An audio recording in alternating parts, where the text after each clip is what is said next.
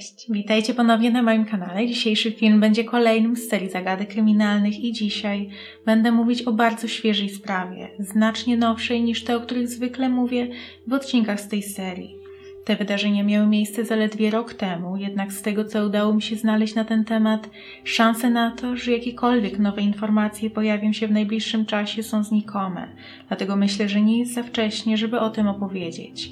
Będzie to sprawa 15-letniej Nory Quoirin. I jeśli chcielibyście dowiedzieć się, co przydarzyło jej się podczas wakacyjnego wyjazdu do Malezji, to zapraszam do oglądania. Nora urodziła się w 2004 roku w Belfaście w Irlandii Północnej, ale razem z rodzicami i rodzeństwem przez większość życia mieszkała w Londynie. Jej rodzicami byli Sebastian oraz Miff Quoirin. Matka pochodziła z Irlandii, a ojciec był Francuzem. Nora była najstarsza z rodzeństwa, miała jedną młodszą siostrę i jednego brata. Mimo swojego wieku jednak wymagała najwięcej uwagi, ponieważ zmagała się z chorobą o nazwie holoprozencefalia, czyli wrodzoną wadą cechującą się niedokonanym podziałem przodomózgowia. Istnieją różne stopnie, w jakich przejawia się ta wada, ale ogólnie u osób ją mających mózg nie jest podzielony na płaty i półkule w taki sam sposób jak u zdrowego człowieka. Skutkiem schorzenia jest niepełnosprawność intelektualna, która także ma wiele poziomów. W przypadku Nory, mimo że w 2019 roku dziewczyna miała 15 lat, to jej wiek umysłowy wynosił 5 do 6 lat. Była bardzo nieśmiała i zależna od matki. Miała również ograniczone umiejętności komunikacji werbalnej i potrafiła napisać zaledwie kilka słów. Dodatkowo miała problemy z poruszaniem się. Mogła chodzić, ale sprawiało jej to spore problemy i zwykle chodziła z pomocą drugiej osoby lub przyrządu. W połowie 2019 roku rodzina postanowiła wyjechać na wakacje do Malezji, żeby zobaczyć cuda tamtejszej przyrody. Planowali zatrzymać się w pobliżu dżungli. Nie był to pierwszy podobny wyjazd w ich życiu. Często spędzali urlop poza Europą, właśnie w tropikalnych miejscach. W sumie w Azji planowali spędzić dwa tygodnie, a jako miejsce zakwaterowania wybrali piękny kurort o nazwie The Dasan, znajdujący się w Seremban, około godziny drogi na południe od stolicy kraju, czyli Kuala Lumpur. Rodzina dotarła na miejsce 3 sierpnia 2019 roku i wprowadzili się do dwupiętrowego domku o nazwie Sora House. Był to jeden z siedmiu bungalowów na terenie ośrodka. Rodzice mieli mieszkać w jednym pokoju, a drugi dzieliła cała trójka rodzeństwa. Pierwszy dzień minął im na rozpakowaniu bagaży i zwiedzaniu ośrodka. Wszyscy byli zbyt zmęczeni, żeby zrobić cokolwiek innego. Cała piątka także wcześniej położyła się spać. Niestety, nie było im dane spędzić w spokoju nawet jednego pełnego dnia wakacji, ponieważ już następnego dnia o 8.30 rano zdarzyło się coś, co miało zmienić życie rodziny na zawsze. Głowa rodziny, Sebastian, zorientował się, że 15-letniej Nory nie ma w pokoju. Po sprawdzeniu pozostałych pomieszczeń w domku, a następnie podwórka, okazało się, że zniknęła. Najbardziej niepokojące było to, że okno w pokoju, w którym spała, było otwarte na oścież. Brat i siostra zapytani, czy wiedzą, gdzie jest Nora, powiedzieli, że całą noc spali i nic nie widzieli ani nie słyszeli. Była to ich pierwsza noc w nowym miejscu. Nie mieli jeszcze okazji rozejrzeć się po okolicy i nie wiedzieli, gdzie córka mogłaby pójść. Oczywiście istniała możliwość, że Nora po prostu wyszła pozwiedzać, jednak rodzice od samego początku przyznali, że mieli bardzo złe przeczucia. Ich pierwszą myślą było porwanie. Córce nigdy nie zdarzało się tak po prostu wychodzić bez opieki. I mimo, że te okna, o których wspomniałam, sięgały samej podłogi, dlatego to nie tak, że musiałaby się czołgać czy gdzieś wspinać, to i tak, biorąc pod uwagę jej niepełnosprawność, wyjście stanowiłoby ogromne wyzwanie, zwłaszcza nie robiąc żadnego hałasu. Zdaniem ojca, Sebastiana, nie było możliwości, żeby Nora wyszła o własnych siłach i przeszła więcej niż kilka metrów, nie upadając i nie robiąc sobie krzywdy, zwłaszcza w ciemności. Kamery w kurorcie de Dasan były ograniczone jedynie do obszaru recepcji, dlatego nie było dostępnych żadnych nagrań z nocy zniknięcia piętnastolatki. Ponadto ośrodek nie zatrudniał w tamtym czasie ochroniarzy. W ciągu kolejnych dni plakaty ze zdjęciami Nory zostały rozwieszone w okolicach hotelu i otaczających miasteczkach. Dziewczyna miała jasnobrązowe kręcone włosy, niebieskie oczy, jasną karnację i piegi oraz pełne policzki. Rodzina powiedziała, że tej nocy spała w pastelowej piżamie i wnioskując po tym, że nie zniknęły żadne jej inne ubrania i rzeczy osobiste, to to właśnie miała na sobie, gdy wyszła lub została zabrana z domku.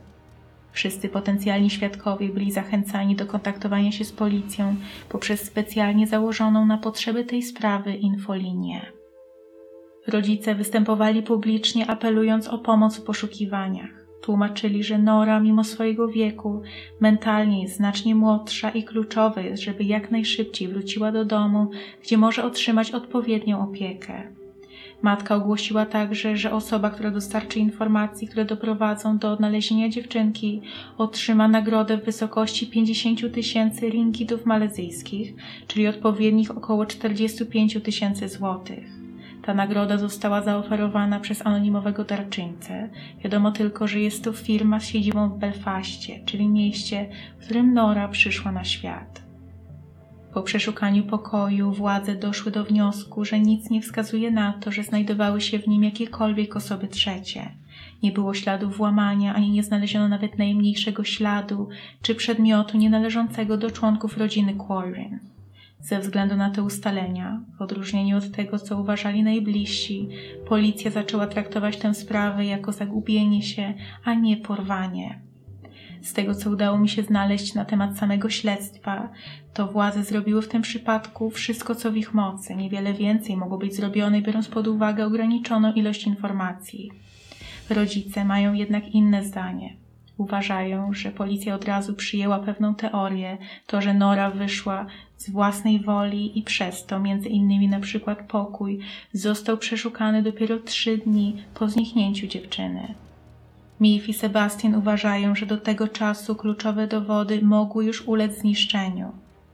Tak czy inaczej, od samego początku sprawa była traktowana poważnie i nie zwlekano z rozpoczęciem przeczesywania terenu. W sumie brało w nim udział ponad 350 osób przeszkolonych specjalnie do takich sytuacji. Wykorzystano kamery termowizyjne, psy tropiące, a nawet skorzystano z pomocy rdzennych mieszkańców, którzy byli w stanie sprawniej nawigować nawet najtrudniej dostępne obszary dżungli. Podczas przeszukania z megafonów puszczane było nagranie, na którym matka, Mif Quoirin, przywołuje córkę po imieniu. Zdaniem rodziców Nora była bardzo nieśmiała i na pewno nie odpowiedziałaby na wołanie nieznajomego. Teren był jednak niesamowicie rozległy i nie było nawet gwarancji, że piętnastolatka porusza się pieszo i jest gdzieś w okolicy. Mogła przecież już dawno zostać wywieziona.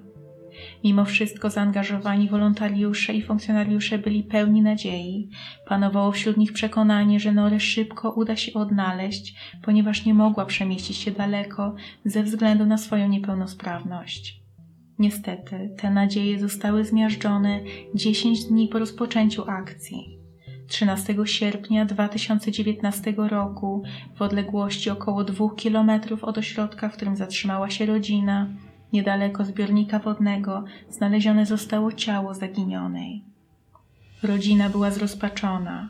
Podejrzewali, że noże mogło stać się coś złego, ale nie spodziewali się, że finał sprawy może być aż tak tragiczny.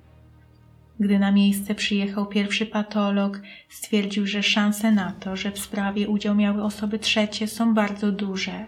Przede wszystkim wskazywał na to fakt, że nastolatka została znaleziona bez ubrań. Nietypowe było również to, że dziewczyna została znaleziona w tak niedużej odległości od hotelu po kilkudniowych poszukiwaniach prowadzonych przez setki funkcjonariuszy. Część osób uważa, że w takim razie to miejsce musiało zostać wcześniej przeszukane, a skoro wtedy nic tam nie znaleziono, to znaczy, że dziewczyna została tam później przez kogoś przyniesiona.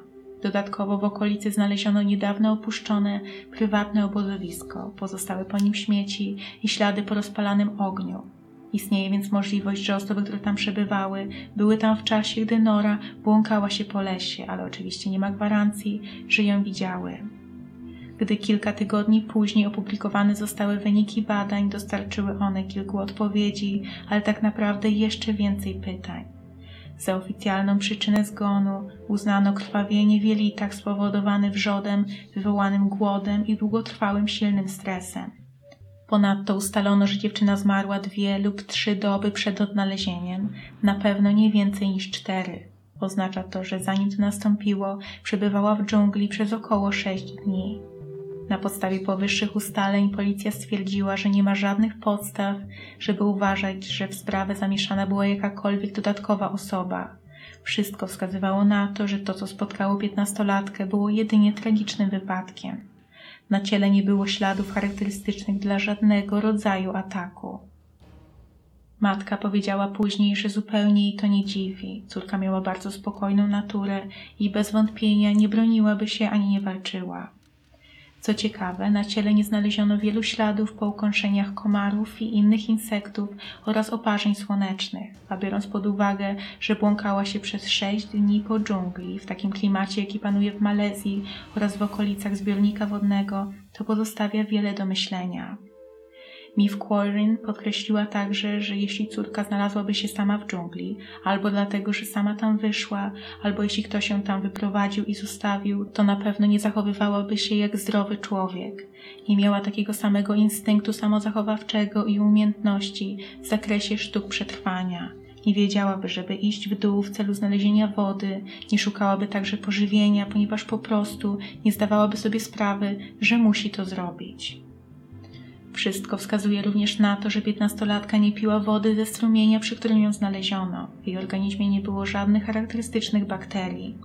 Może to wskazywać na to, że albo została tam później przez kogoś przyniesiona, albo że sama nie piła tej wody, ponieważ nie wiedziała, że powinna.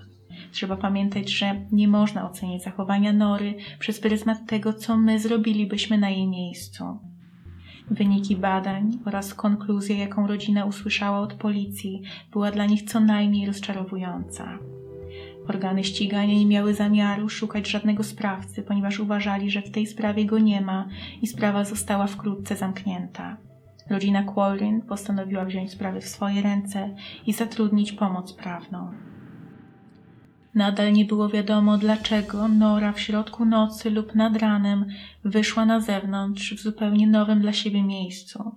Oczywiście, biorąc pod uwagę jej stan zdrowia, to nie musiała mieć żadnego logicznego powodu, jednak zdaniem rodziny oni już wielokrotnie wyjeżdżali na podobne tropikalne wakacje i nigdy nie zdarzało się, żeby nastolatka wychodziła w podobny sposób.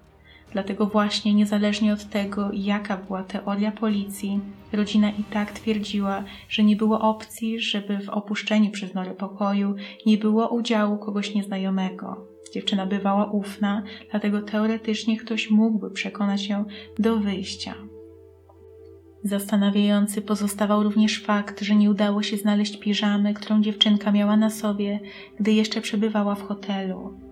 Nie było jej w miejscu, w którym znaleziono norę, ani nigdzie po drodze i w zasięgu kilku kilometrów.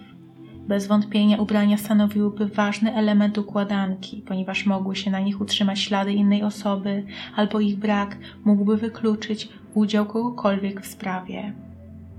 Pojawiły się teorie mówiące o tym, że zniknięcie Nory mogło być nieudaną próbą porwania w ramach handlu ludźmi. Niestety Azja, a tym bardziej turystyczne okolice są miejscem o zwiększonym zagrożeniu występowania właśnie tego procederu. Celem są zwykle kobiety pochodzące z zagranicy. Jedno jednak przemawia przeciwko tej teorii. Przemytnicy rzadko szukają swoich ofiar na przedmieściach czy w odludnych miejscach, raczej skupiają się na miastach. Hotel de Dasan znajdował się prawie w środku dżungli. Najbliższe miasteczka były w odległości kilku do kilkunastu kilometrów. Oczywiście Nora pod wieloma względami była odpowiednim typem osoby.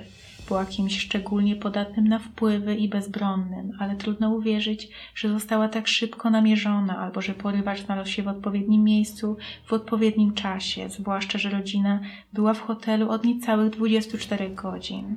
Istnieje jednak taka możliwość. To mógł być ktoś, kto na przykład pomagał rodzinie w transporcie z lotniska do hotelu, ktoś, kto pracował w ośrodku, albo któryś z pracowników poinformował kogoś z zewnątrz o tym, kto się tam zatrzymał. Rodzina Quarlin złożyła wniosek do sądu o odszkodowanie przeciwko Helen Marion Todd, czyli właścicielce kurortu. Domagają się 180 tysięcy ringitów, czyli ponad 160 tysięcy złotych z tytułu kosztów związanych ze śledztwem oraz strat moralnych. To, czy ta kwota im się należy, oceni sąd, ale wiele wskazuje na to, że sam hotel niewiele zawinił w sprawie. Oczywiście, gdyby były tam kamery, śledztwo na pewno byłoby skuteczniejsze, ale sam fakt ich braku nie może być powodem do oskarżeń. I to jest już koniec tej historii. Sprawa oficjalnie jest uznawana za rozwiązaną i śledztwo zostało zamknięte, ale rodzina walczy o jego wznowienie. Jestem bardzo ciekawa Waszego zdania, jakie macie odczucia po wysłuchaniu tej smutnej sprawy. Jeśli chcecie znać moje, to biorąc pod uwagę wszystkie dostępne na dzień dzisiejsze informacje, a oczywiście możliwe jest, że rodzina wie więcej niż zostało podane do opinii publicznej, to uważam, że to był wypadek. Po prostu przypadek zagubienia się w dżungli, który miał naprawdę niesamowicie smutne konsekwencje. Dajcie mi znać, co Wy o tym sądzicie, jak również jeśli macie propozycje o jakichś innych sprawach, mogłabym powiedzieć w kolejnych odcinkach z tej serii.